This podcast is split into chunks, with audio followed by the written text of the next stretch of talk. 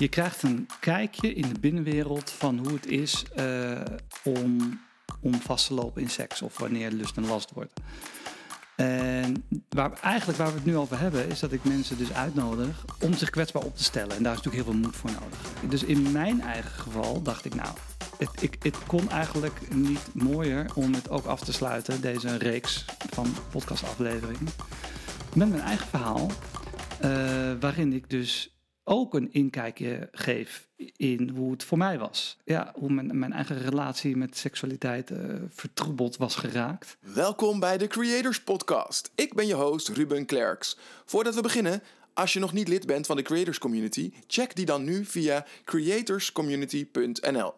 De creators community is opgebouwd door en voor actieve multipotentials die geloven in hun eigen kracht en onze gezamenlijke co-creatiekracht. Dus als je samen met mij en vele anderen wilt werken aan jouw business naar een hoger plan tillen, meer gedaan krijgen op je werk, voor jezelf beginnen of een betere vader of moeder worden, uitzonderlijke relaties creëren, meer in controle zijn over je gedachten, gevoelens en gewoontes, je invloed vergroten door anderen te activeren, inspireren en motiveren, dan kan dat in de maandelijkse co-creatie workshops, deep dive sessies en andere programma's waar je onbeperkt toegang toe hebt. En dit alles krijg je voor nog geen twee koppen koffie per week.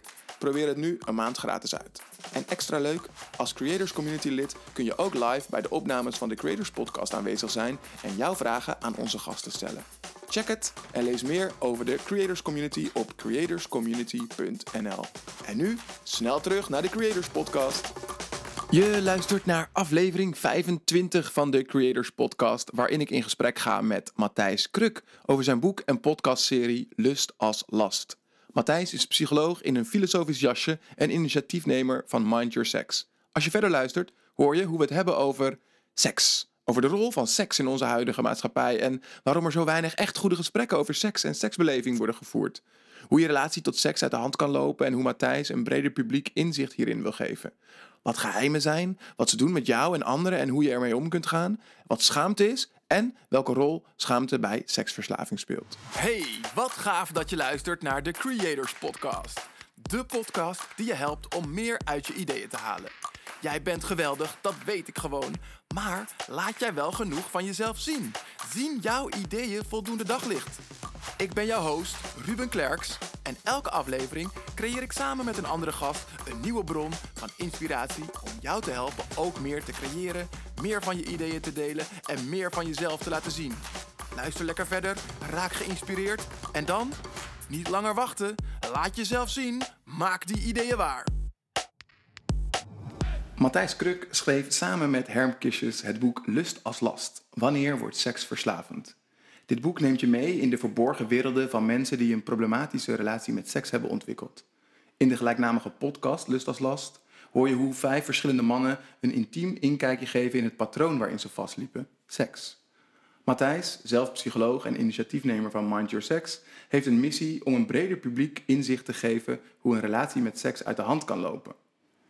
Wat fijn dat je er bent, Matthijs. Ja, dankjewel, vind ik ook. Ja. Allereerst, uh, dikke complimenten voor je prachtige podcast. Ik heb echt uh, ademloos nu uh, drie afleveringen geluisterd. Gaaf, dankjewel. Ja, ja, de spanning en de intensiteit, die druipt er vanaf. En tegelijkertijd heb je echt een, vind ik, een cocon gecreëerd... waarbinnen het idee hebt dat je echt meeluistert inderdaad met, met, met een van jouw sessies bijna met hen... Uh, met, met je gasten. Dus uh, ik denk bijna dat je een, misschien wel een nieuw genre te pakken hebt. Het uh, taboe doorbrekende, inzichtgevende genre. Dat hoop ik. Dat zou heel mooi zijn. Ja. Dan, ik, ik, dan zou ik graag nog een seizoen maken. Ja, ja. Het was, het was wel kostbaar en tijdrovend, maar het resultaat mag er wel zijn, ja. Ik vind het leuk om te horen dat je zo enthousiast bent. Ja. Want behalve natuurlijk dat ik er enthousiast over ben, ben uh, vooral voor jou, als je kijkt naar creëren, waarom moest deze podcast er voor jou komen?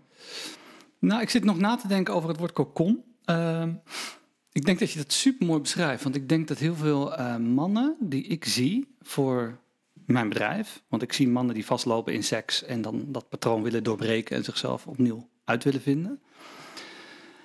En als je vastloopt in seks, dan is dat iets waar je niet makkelijk over praat, waar je de meeste mensen zich voor schamen. Je doet het in een, in een heimelijke wereld waar eigenlijk niemand meekijkt. Uh, dus daar kan je best wel heel erg in verzanden. En ik denk dat juist omdat het een wereld is waarin niemand jou kent en jij kent eigenlijk niemand, het is, het is echt iets van jou, ja.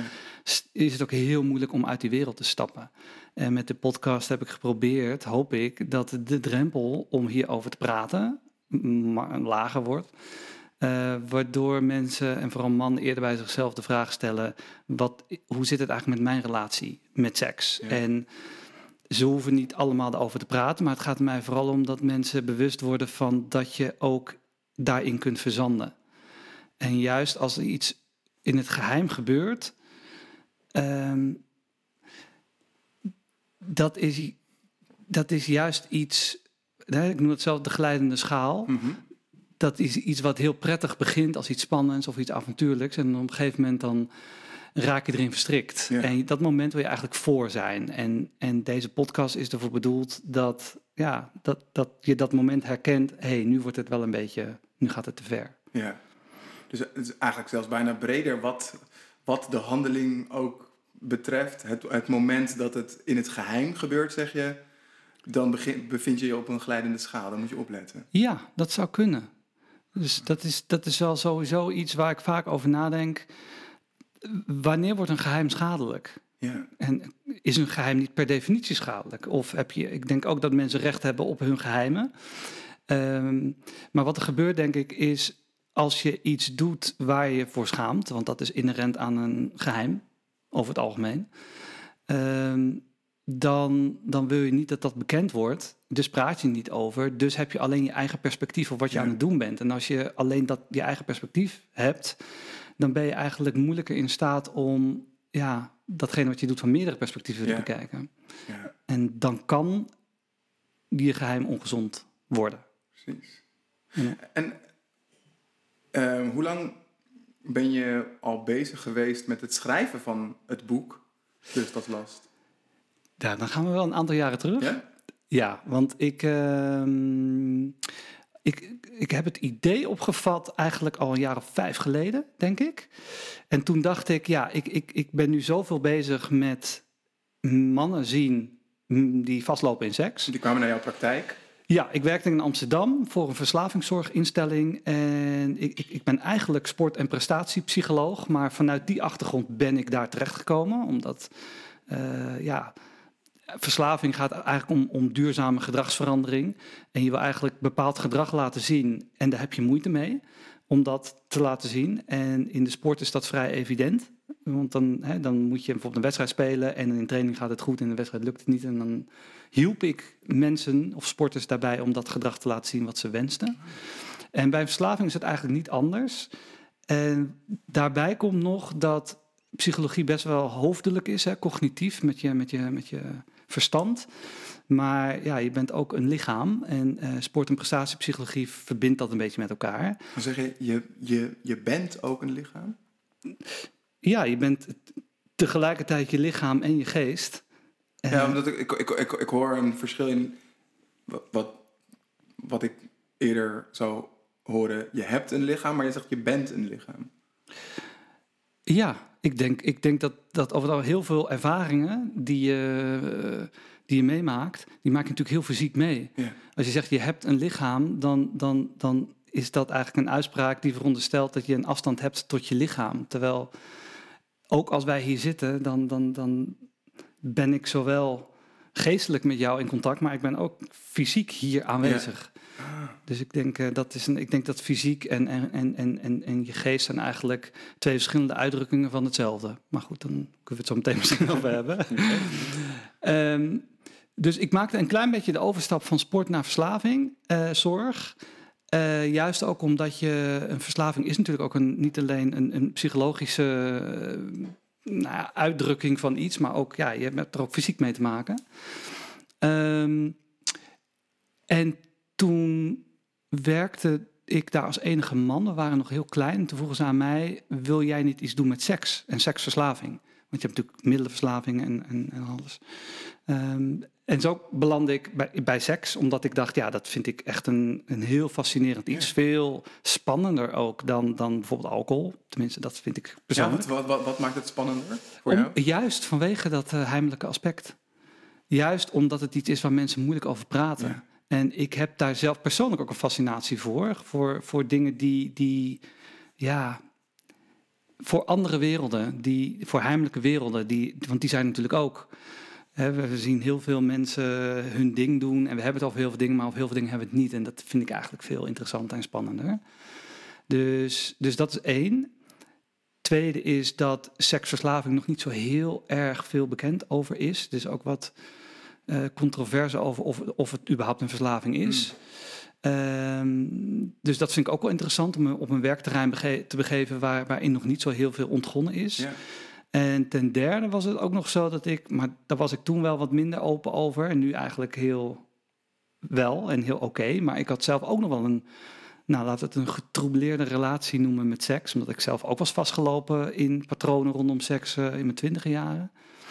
Eh, dus op, of vanuit heel veel ja, gezichtspunten dacht ik, ehm, hier wil ik meer van weten. Dus toen ben ik heel veel mannen gaan zien daar, daarover. Toen dacht ik, ja, dan wil, ik- dan wil ik ook nog meer over weten. En toen ontmoette ik bij een, een soort cursus, eh, ontmoette ik Herm. En Herm zat toen, ik was toen nog een beetje als sportpsycholoog ook bezig. Herm was nog, eh, die, die is docent en onderzoeker en heeft meerdere boeken geschreven. En toen was hij volgens mij met gameverslaving bezig. Ah. En toen hadden we de intentie uitgesproken van, eh, nou, willen we hier iets ooit nog mee doen, laten we dat dan doen. En eh, toen, ik denk zo twee jaar later, toen voelde de tijd rijp en toen eh, heb ik hem gebeld en zei ik, Herm, hoe zit het ermee? En vanaf toen zijn we, gaan we echt gaan schrijven. Ik denk dat dat 2018 is. En dat we echt goed zijn gaan schrijven, denk ik, was 2019. En eh, nu is het 2021. En eh, in juni is het boek uitgekomen. Ja. Hoe is het eh, ontvangen, zo die eerste, eerste maand, maanden?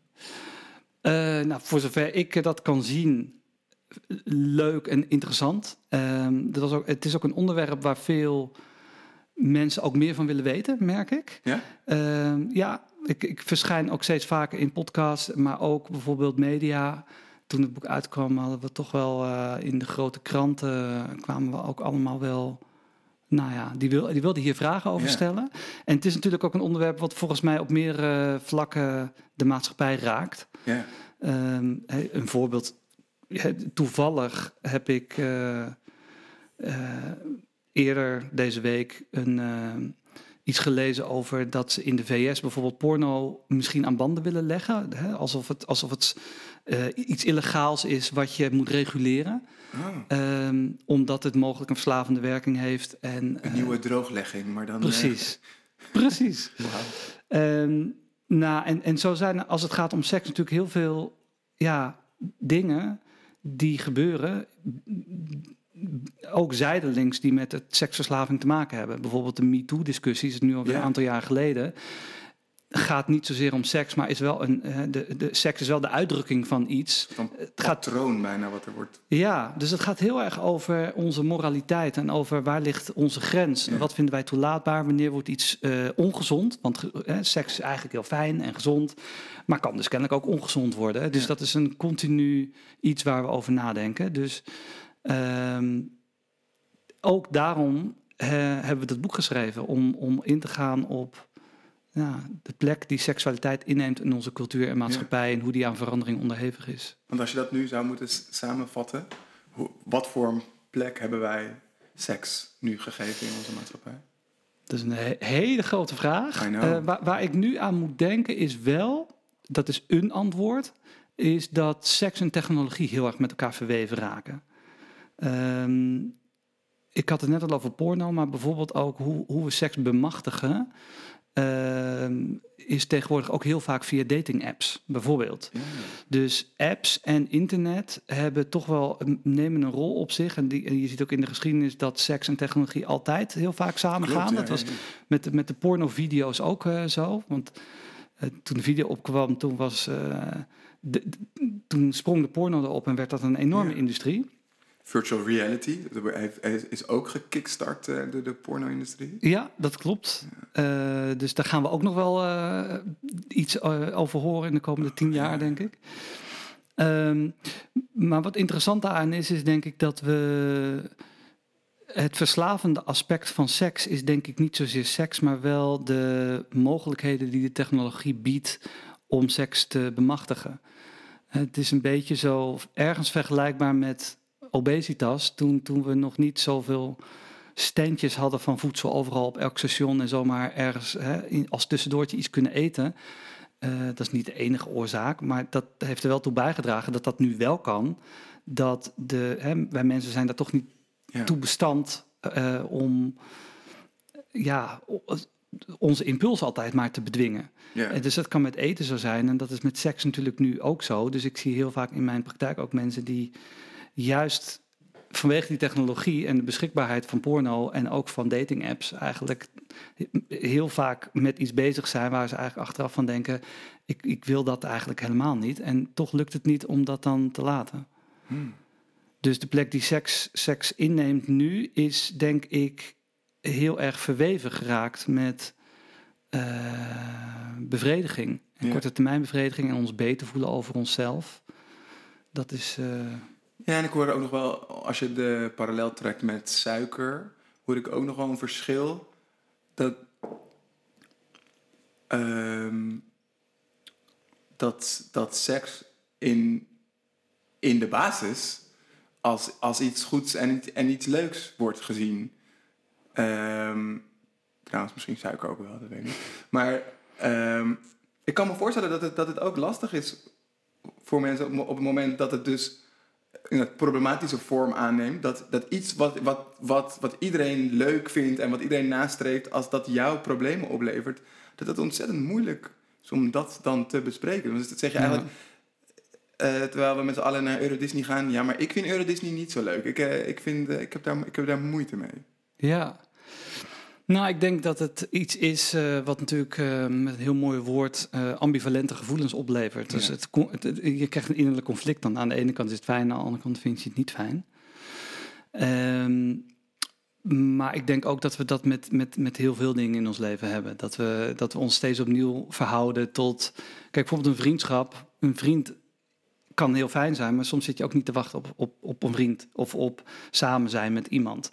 Uh, dus ik, ik, het gaat er mij vooral om, en daar, nou, nou, dan kom ik toch weer terug op de podcast en ook op, uh, op dit boek, dat je dat mensen bij zichzelf, dat, dat is mijn visie in ieder geval, dat, dat ik hoop dat mensen het bewustzijn eigenlijk aanscherpen om zichzelf vragen te stellen is dit het leven dat ik wil leiden? Mm, en dit, dit gaat dan over seks, maar eigenlijk gaat het natuurlijk in elke situatie leefstijl. op. Ja, ja, ja, exact.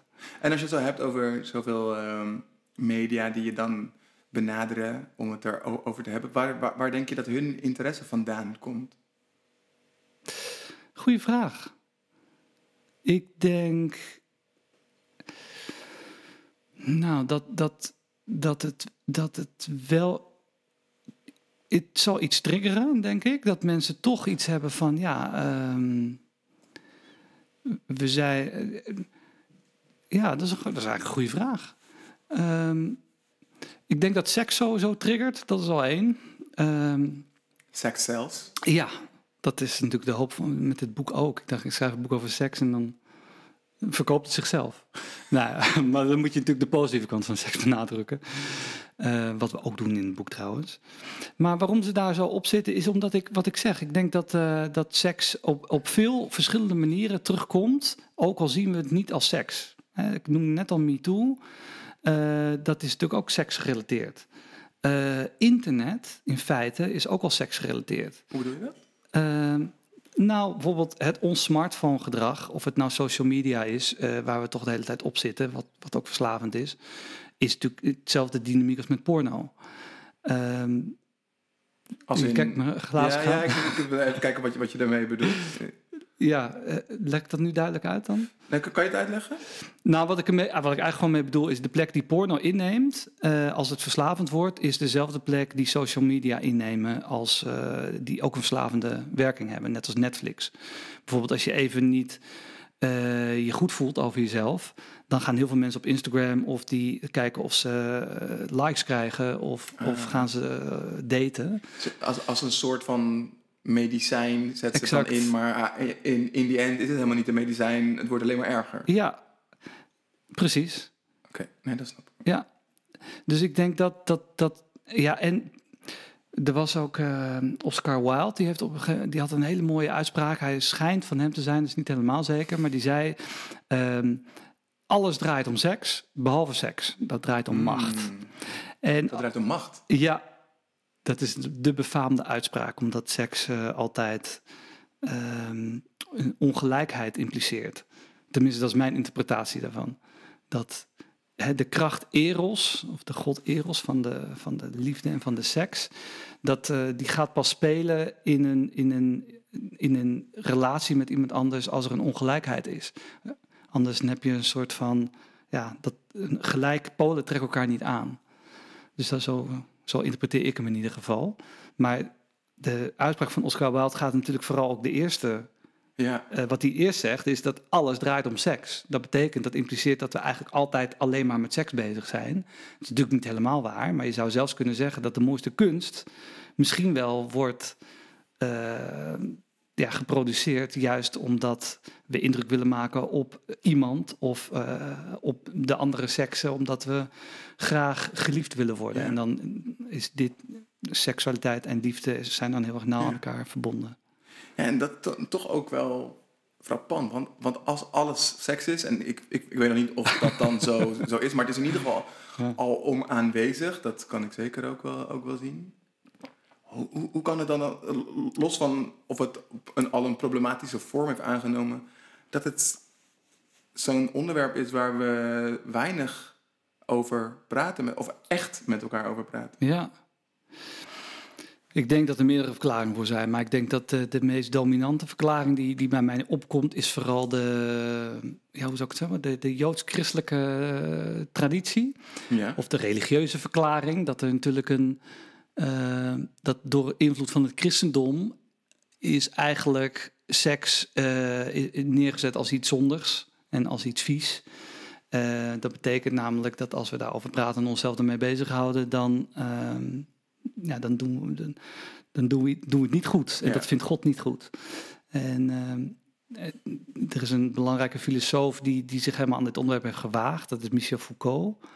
En die heeft nou, heel veel geschreven over zo'n hele filosofische verhandeling over seksualiteit. En eigenlijk, eh, voor zover ik dat dan interpreteer, een van de een essentie die hij noemt is dat de heersende machtsstructuren eh, eigenlijk seks hebben willen onderdrukken, omdat seks eigenlijk leidt tot, tot chaos. Daardoor gaan mensen over hun grenzen heen, daardoor gaan ze allemaal dingen doen die onvoorspelbaar zijn. Zijn ze niet meer ge- gehoorzaam? Ja, precies. Ja, ja, ja. Dus, dus door op seksualiteit op die manier neer te zetten, eh, kon de heersende macht de macht behouden en de andere mensen die eh, zouden de orde niet verstoren.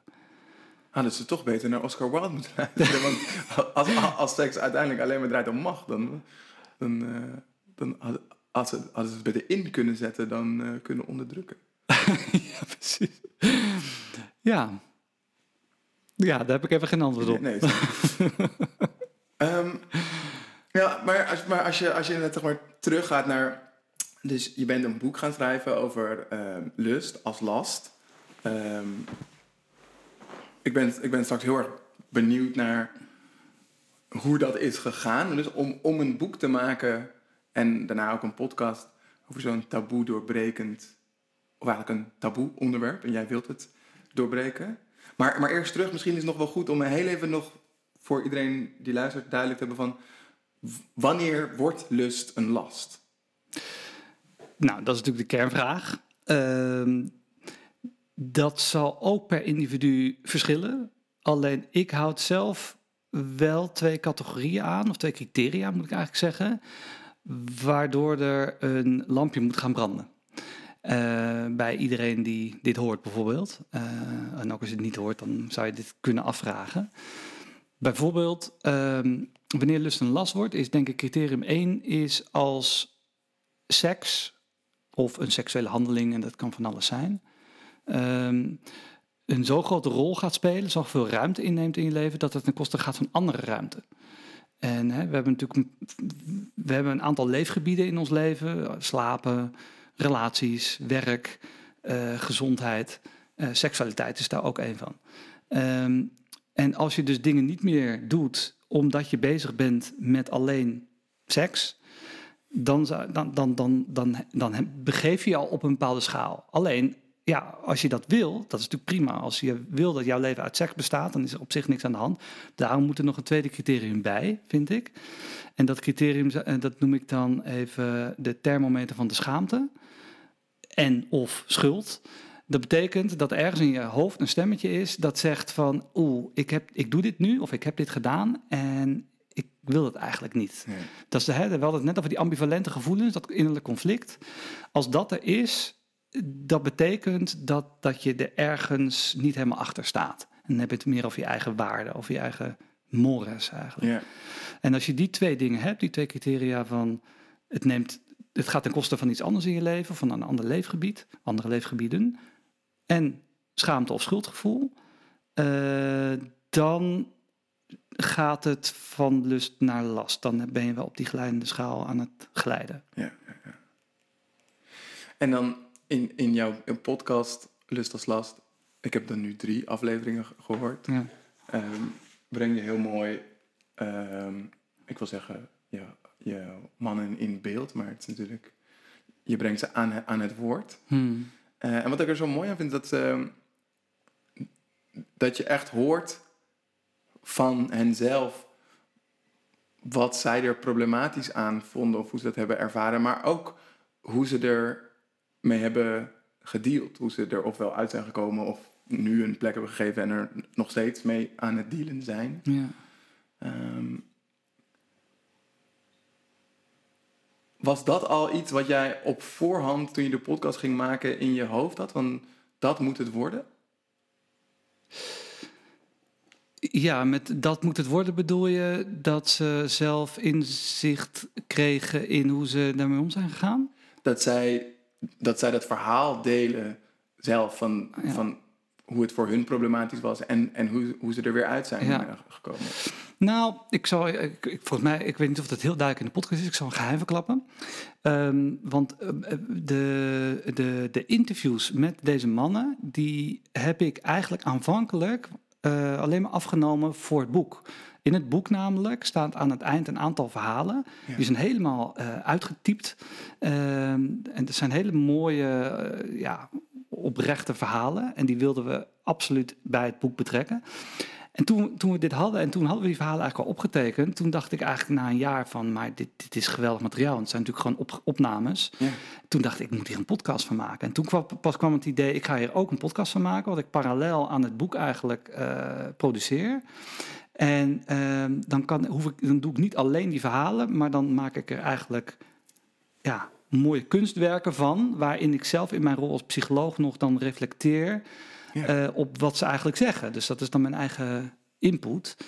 En wat ik zo mooi vind aan die verhalen is dat bijna iedereen, of in ieder geval de eerste paar afleveringen, die gaan ook voor een deel over schaamte en hoe erover praten met iemand. En vaak was ik dat eigenlijk, en dat kan ook iemand uit hun eigen omgeving Ja. zijn. eh, de grootste, moeilijkste en ook eerste en voornaamste stap is geweest naar heling, om, het- om het even mooi uit te drukken. Omdat schaamte in zichzelf is natuurlijk iets.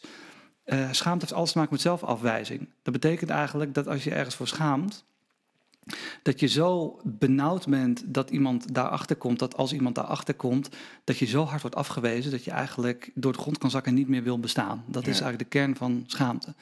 Of als je dus iets met schaamte wil doen, wat, wat je moet doen, want als je niet iets doet met schaamte in een therapeutische setting, dan, dan kom je eigenlijk niet verder. Dus schaamte is eigenlijk het allerbelangrijkste Ja. wat je. Wat een, wat een moeilijke stap eigenlijk. Als dus, als, als dus die eerste en belangrijkste stap die je moet nemen ook meteen Ja, de zo'n grote en misschien wel moeilijkste stap is. Nou, Waar, waar iedereen bij alle andere Ja. dingen zegt van... Ja, je moet klein beginnen. ja, Is hier eigenlijk dus die eerste stap meteen... ja, Wow. Ja, dat klopt. Maar dat is dus de moeilijkheid aan. Toen dacht ik, ja, hoe, dit heb ik heel vaak gehoord als psycholoog. Dus daarom schrijf ik dit, dit boek dus Ja. ook en die podcast. Dat bedoel ik met taboes doorbreken. Maar ook een taboe doorbreken betekent eigenlijk ergens makkelijker over praten.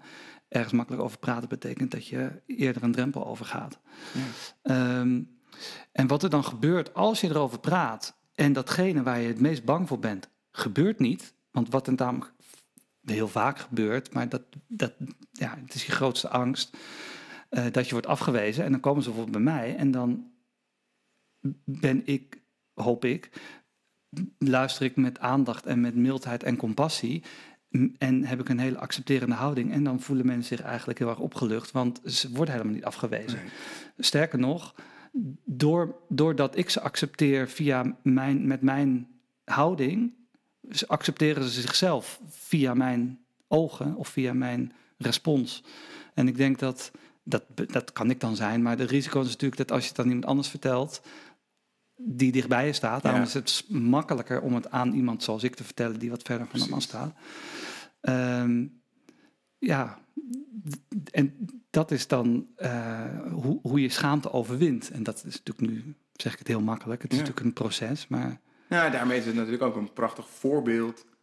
Hè? Dus als mensen horen van dat er dus ook andere mensen zijn die dit ook delen, die het zelfs in een podcast delen en in in een boek, ja, eh, dan wordt voor hen misschien die stap ook eh, wat makkelijker te nemen. eh, om, om ook iemand te zoeken met wie ze het kunnen delen. ja, Ja. ja, En er zijn vijf afleveringen van de, van de podcast. ja. Ehm, in de vijfde kom je zelf aan het woord. Ja, dat klopt, ja. Ja, Ja, ik denk, ik, ik, ik moet wel het goede voorbeeld geven. ja. want waar, waar heb jij het over? Nou, kijk, het gaat, het gaat om eigenlijk precies waar we het nu over hebben. Hè? Dat, dat, ehm, je krijgt een kijkje in de binnenwereld van hoe het is eh, om, om vast te lopen in seks of wanneer lust een last wordt. En waar, eigenlijk waar we het nu over hebben, is dat ik mensen dus uitnodig om, om makkelijker, ja, kijk, om zich kwetsbaar op te stellen. En daar is natuurlijk heel veel moed voor nodig. Ja. Ehm, ik heb het net ook gehad over heling. Dat betekent, heling betekent eigenlijk dat je volgens mij iets wat, wat je hebt gedaan of wat je hebt meegemaakt, dat je dat wel onderdeel laat van je onderdeel laat van jou zijn en jouw bestaan, maar dat je er niet meer door belemmerd wordt. Nee. Ehm, dus en je in, dus in, ook niet wegdrukt. Nee, dus in mijn eigen geval dacht ik, nou, het, ik, het kon eigenlijk niet mooier om het ook af te sluiten, deze reeks van podcastafleveringen, met mijn eigen verhaal, eh, waarin ik dus ook een inkijkje geef in hoe het voor mij was. Ehm, Hoe het voor jou was om die mannen te interviewen? Of hoe jouw eigen... mijn eigen, vastlopen. precies. Ja. ja, hoe mijn, mijn eigen relatie met seksualiteit eh, vertroebeld was geraakt.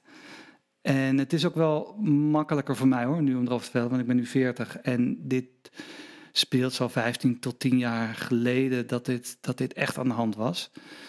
En het moeilijke hieraan is, ik weet nog dat een, een vriend van mij toen, denk ik, toen rond mijn dertigste, er was één vriend tegen wie ik al mijn eh, strapatsen vertelde, want dat, dat was, waren wel strapatsen.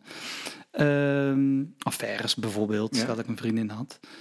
Ehm, en volgens mij heeft hij toen ooit wel gezegd van, hey, maar eh, hij- ik denk niet dat hij het woord seksverslaafd in de mond heeft genomen, maar wel iets in die richting. Maar op een gegeven moment, als je ergens in zit, ben je natuurlijk ook niet heel scherp om te zien wat er aan de hand is. Dus op dat Nee. moment dacht ik, eh, nee man, dat, Gast, waar heb je het over? ja, je, dus Ja. ik bedoel zeker als je er middenin zit. In ieder geval ik, ik was heel goed in dingen zo rechtbreien voor mezelf.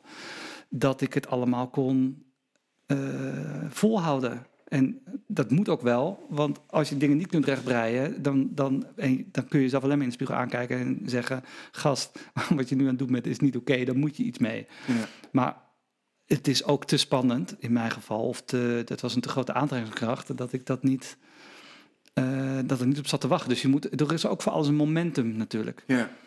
Dus ik hoop alleen dat door de podcast, door mijn eigen verhaal, door het boek, dat het momentum voor heel veel mannen even wat eerder komt. Want heel vaak komen mannen bij mij en dan is het te laat. En, en hoe ziet dat eruit dat het te laat is? Nou, bijvoorbeeld, wat, je, wat ik heel vaak zie is dat een partner erachter komt en dan gaat de relatie Ah, ja. stuk of beschadig Ja. je een ander. En, ehm, of of je, je, je, je komt gewoon niet toe aan wat je, wie je werkelijk wilt zijn in dit leven.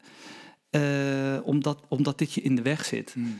En hoe eerder je erkent dat het je in de weg zit, hoe, hoe minder schade het kan berokkenen. En ook hoe eerder je eigenlijk naar je, nou ja, dit klinkt dan wel een beetje zweverig misschien, maar je, je diepere of ware zelf kunt eh, gaan. Had jij het eerder willen bespreken met iemand? Als ik, dit is ook een beetje preken voor eigen parochie, maar ik denk dat, dat als ik rond mijn dertigste misschien, of eind twintig, misschien deze podcast had gehoord, en dat is natuurlijk een beetje hypothetisch, En, en eh, dat, het, dat ik het misschien wel mezelf had gebeld, of de, degene die die podcast had gemaakt, of, of, of iemand anders, om hier een keer een gesprek over te hebben. Over mijn toenmalige relatie met seks. Want wat, wat is uiteindelijk voor jou het moment geweest dat je dat gedrag bent gaan veranderen? Ja, nou, ik, ik ben in een luxe positie hè, eigenlijk. Dat klinkt een beetje gek, want ik ben natuurlijk in de eerste plaats, in, als het hier om gaat, vind ik mezelf psycholoog. En in de tweede plaats zou ik mezelf ervaringsdeskundige noemen, niet andersom. Want dit is ook maar mijn ervaring en iedereen heeft zijn eigen Precies. andere ervaring hierbij. Maar door, door het als psycholoog te beschouwen, kan ik het wel makkelijker relateren aan dingen van mezelf die wel op mezelf van toepassing zijn Ja. en welke niet. Dus ik, wa- was, je, was je eerst psychologie gaan studeren voordat je, ik noem het even, een doorbraak had? Of had je Ja. eerst een doorbraak en ben je daarna psychologie? Nou, in mijn geval, ik denk nooit dat iets alleen maar een doorbraak is. Ik denk dat. ehm, Kijk, ik was hiermee bezig toen ik psychologie studeerde. En Ja. pas later kwam ik in de verslavingszorg terecht. En juist door al die verhalen van al die mannen. ben ik eigenlijk mijn eigen verhaal opnieuw aan het. eh, heb ik, hè, opnieuw eigenlijk eh, aan onderzoek onderworpen. En als je mij nu vraagt, was je verslaafd? Of dan zou ik zeggen, nou, verslaafd is misschien te groot woord, maar ik denk wel dat seks een grote eh, rol speelde in mijn leven. Misschien zal ik dat altijd wel blijven doen, omdat ik het ook een. Het is niet voor niets groot geworden. Dus het Ja. betekent al dat ik er een gevoeligheid voor heb en dat ik er veel uithaal. eh, of uit, eh, veel verwacht uit te kunnen halen. Misschien maak ik seks ook vaak groter dan dat het is. Ehm, maar door die verhalen en door, door al mijn cliënten die ik heb gezien, kan ik wel meer terugkijken en dingen plaatsen.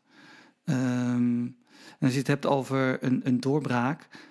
Ik denk dat ik stukje bij beetje ten eerste open ben geweest. Eh, ik heb nu dan een, voor al vijf jaar een relatie, maar in mijn vorige relatie ben ik hier ook open geweest, over geweest. Over eh, nou, dat ik een relatie had. want ik had een relatie van mijn 22e tot mijn 28e. Daarin heb ik wel echt veel scheve schaatsen gereden. Heb ik ook een periode gehad dat ik erg verslingerd was aan porno bijvoorbeeld. Ehm, en daar ben ik eigenlijk wel altijd redelijk open over geweest. Dus die openheid die zat er wel in, denk ik, altijd bij mij. Maar ik denk dat in mijn geval het heel erg te maken had met dat ik keuzes ben gaan maken. eh, die bijdroegen aan de verbinding die ik had met mijn partner. Want uiteindelijk, ik, ik, ik, achteraf zou ik wel durven stellen dat ik vooral voor mezelf aan het leven was en Mm, niet zozeer ja. met mijn toenmalige vriendin. Dus ik was gewoon, ik ben nooit zo heel goed geweest in echt verbinding maken met iemand en, en zien wat daar allemaal bij hoort. Ik, ik, misschien snapte ik het ook niet, of in ieder geval vond, of vond ik het spannend. Ehm, ik, ik, kan dat allemaal wel redelijk verklaren, maar ik, ik denk dat de, als je het hebt over doorbraak, ben ik steeds beter gaan snappen wat het is om in deze wereld te staan met mensen, in plaats van alleen maar voor mezelf te leven. Ja. En, en hoor ik het goed dat, dat, dat dat proces van verwerking dus ook plaatsvond tijdens dat je al eh, mannen in jouw praktijk zag? En Nou, dat noem ik een luxe positie. Ergens denk ik dat zij. dat is natuurlijk eigenlijk. Daarvoor is ten eerste. Is dat, dat was natuurlijk daarvoor niet bedoeld, hè, therapie. Ik ben natuurlijk ook gewoon de psycholoog geweest van al die mannen. Maar ik denk dat in mijn eigen tijd. heeft het wel bijgedragen aan. Eh, mijn eigen verwerking. En met verwerking bedoel ik eigenlijk. Verwerking is een mooi woord, denk ik, voor dingen in perspectief zien. Dat ik veel beter snap hoe het bij mij heeft gewerkt, omdat ik zie hoe het bij andere mannen werkt. En er Ja. zijn natuurlijk heel veel overeenkomsten in verhalen van mannen. ja. Dus iedereen heeft zijn eigen ontstaansgeschiedenis, Maar er zijn voor al die mannen, daarom, is het ook, daarom kan ik er ook wel iets zinnigs over zeggen bij, in de verhalen van de podcast bijvoorbeeld. Ja. Er zijn natuurlijk heel veel, ja, het zijn individuele verhalen, maar er zitten ook heel veel overlappende tendensen in. Ja. En hoe zorg je dan dat dat, dat niet vertroebelt? Dat je, je, dat je de objectieve Ja, ehm, ehm, uitleg als psycholoog verward of door elkaar laat lopen met ja. misschien wel je eigen persoonlijke ervaring of Ja, nou, ten eerste is dat ook professionaliteit, denk ik. En ehm, ik, in mijn geval kan ik dat ook heel goed van elkaar scheiden. En dat is ook, denk ik, dat noem ik dan even professionaliteit. En daarmee bedoel ik dat je ook heel scherp.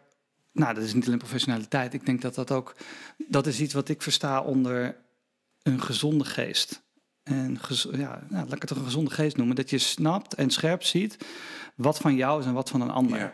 Ja. Dus als er iets tussen ons gebeurt nu in ons contact, mo- moet je jezelf de vraag kunnen stellen: hey, is, is dat iets van mij of is het iets van jou? En dan, dan is het de kunst om dat te zien en het ook te laten waar het is. Als Ja, het van jou is, dan ja. moet ik het bij jou laten, of dan moet ik er misschien iets over zeggen. Als het van mij is, dan moet ik gaan kijken: hey, wat moet ik hier nu mee? Ah, mooi.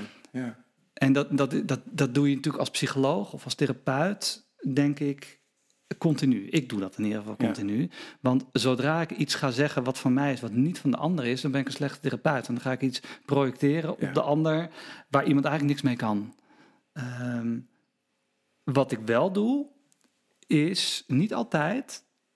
Het heeft ook met intuïtie te maken, maar intuïtie komt voort uit ervaring. Hè? Hoe vaak je Mhm. iets hebt gedaan, hoe intuïtiever je in dingen wordt is dat ik inschat, eh, draagt het bij als ik hier iets vertel over mezelf? Want bij sommigen draagt dat heel erg bij en anderen niet. Ja. Waarom ik nu wel mijn verhaal vertel, heeft dan vooral te maken met dat, dat is wel echt zo, dat mensen horen mij nu op de radio of een podcast. Ik heb nu al meerdere, ja, ik krijg regelmatig nu berichten van mannen die mij hebben gehoord en zeggen, hey, je- bent benaderbaar met wat je vertelt. Hmm, Dat ja. komt ook omdat ja, een professional, of als professional, zeker als psycholoog, denk ik dat je ook heel makkelijk in abstractie kunt praten of van een bepaalde afstand en dingen hè, kunt plaatsen in bepaalde hokjes.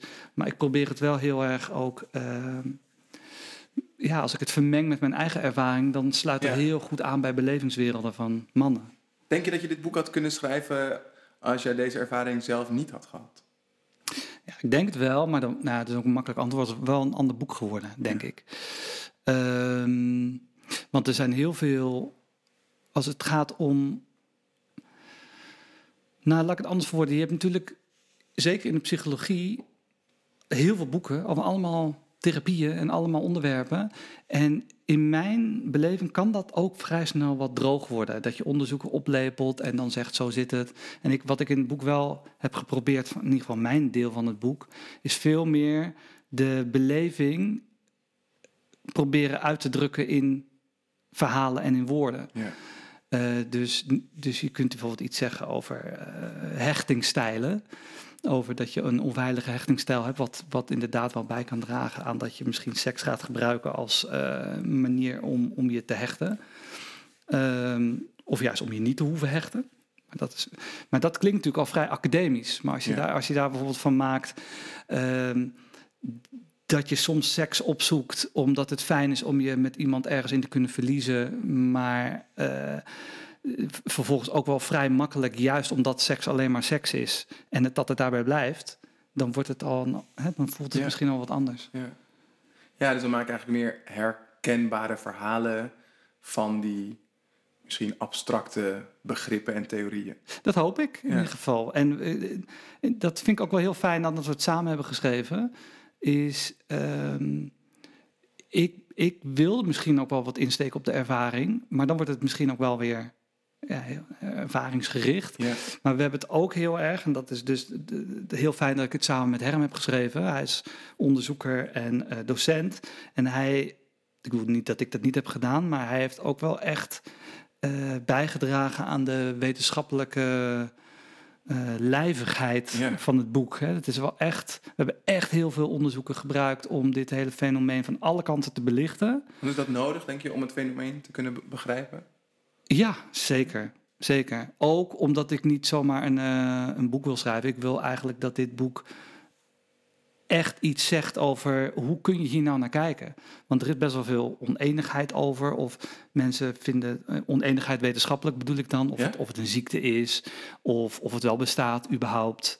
Eh, omdat het, de term seksverslaving is bijvoorbeeld niet opgenomen in de DSM. En dat is dan het handboek van Een psychiaters. soort van graadmeter. Als het niet in de. DSM staat, dan bestaat het niet. Ja, dus, dus door op heel veel verschillende manieren eigenlijk dit te onderzoeken, heb ik het fenomeen veel beter kunnen leren begrijpen. En hoop ik ook dat mensen het eruit halen dat zij dit ook niet op één manier voor zichzelf hoeven te duiden, maar dat je dat op meerdere manieren kunt duiden. Want als je het hebt over het fenomeen lust, eh, ja, dat is natuurlijk een heel, daar kan je alle kanten mee op. Ja. Ehm, Ja. en, en eigenlijk, als ik hem helemaal doortrek, is dat ik denk dat naast.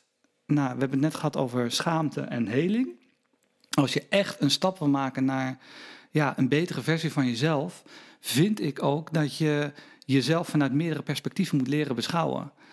Dus hè, als je dit fenomeen vanuit meerdere perspectieven beschouwt, ehm, is ook een impliciete uitnodiging om ook naar jezelf te kijken.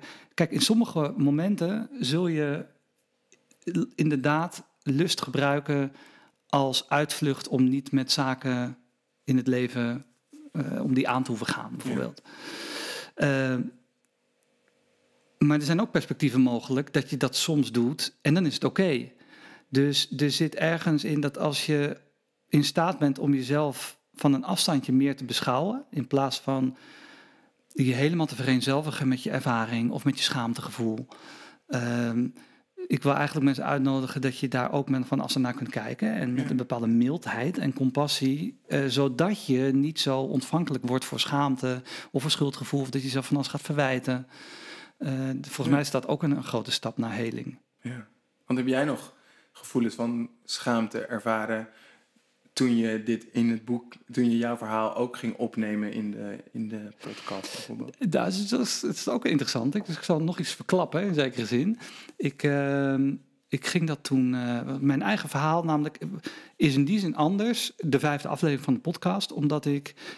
Bij, bij aflevering 1 tot met 4 was ik eigenlijk de interviewer en de, de Ja. man in kwestie was Ja. zijn verhaal. Dus waarvoor we hebben gekozen is dat eh, mijn vriendin de interviewer was in de vijfde aflevering, dat ik dan de man was. Wat, wat ook zo is natuurlijk, dat was mijn verhaal. Maar toen we begonnen, en toen vond ik het toch wel spannend. Ja, Omdat het dan opeens, dan wordt het heel echt. Ik kan natuurlijk heel makkelijk, zoals hier, ik kan vrij makkelijk praten op een best wel wat beschouwende, analytische manier misschien, filosofisch. En dat is ook afstandelijk. ja. Dus we waren op een gegeven moment aan de aflevering aan het op, of het interview aan het opnemen. En op een of andere, het, het, het, op een of andere manier werkte het gewoon. Het liep niet. Nee. Het liep wel, maar het liep niet. Dat kan je soms hebben. Hè, Klinkt een ook wel je gelijk meteen voor de, de, de allermoeilijkste manier bent gegaan om het dan tegenover je partner te moeten gaan vertellen. Nou, waarom ik dat heb gedaan is ten eerste is mijn, mijn vriendin een hele goede vragensteller. En ten tweede was dat ook, ook intuïtief de beste optie. Eh, omdat het eh, gaat om mijn verhaal. Dus ik, ik wilde het ook heel intiem maken. Die cocon waar je het eerder over Ja. had, is ook de intimiteit van ik en een andere man in één kamer. En dat wilde ik met mijn verhaal ook. Alleen Maar dan Eh, kies je voor je vriendin. Nou, vanwege die intimiteit. Ik denk dat zij bij uitstek iemand is die, die, die mij uit mijn kokon kan lokken. Maar zelfs dat gebeurde dus niet in de eerste kwartier van de aflevering.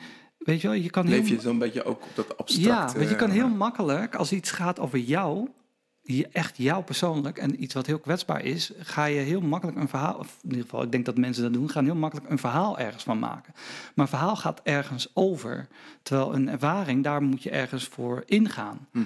Dus dan moet je eigenlijk ja, je, je ui als een ui een beetje zo afpellen en jezelf laten zien. Ja.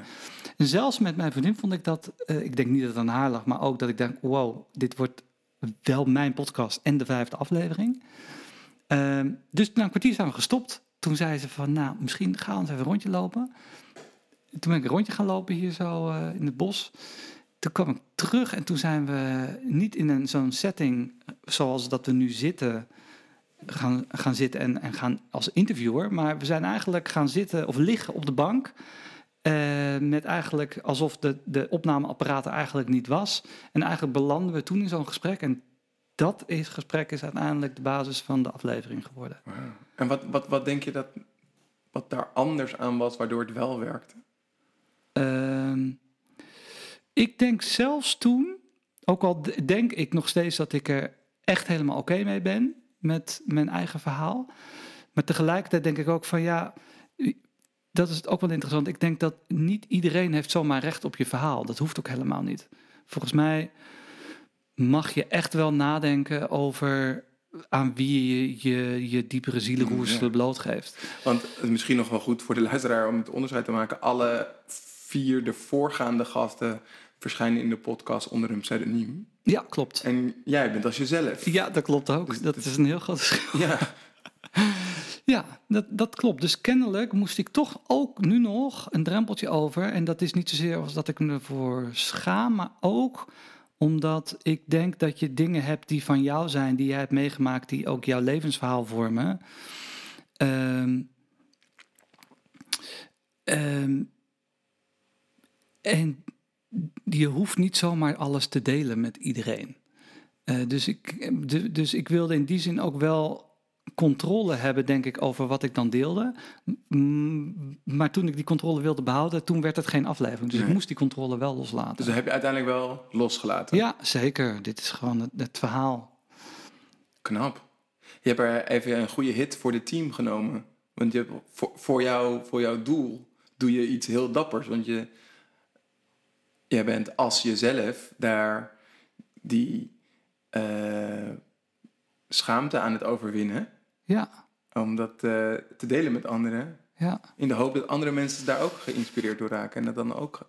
Ja, dat, dat doen. is het natuurlijk wel. Maar ik, ik, ik, ik ben ook heel veel, naast psychologie verdiep ik me heel veel in filosofie ook. Omdat ik, omdat ik echt denk dat degene, eh, weet je wel, een, een, psycholoog, een psycholoog probeert een eenduidig antwoord te vinden op een vraag, zodat, zodat hij of zij iemand beter kan helpen. Terwijl ik denk dat er nooit één eenduidig antwoord is op een vraag.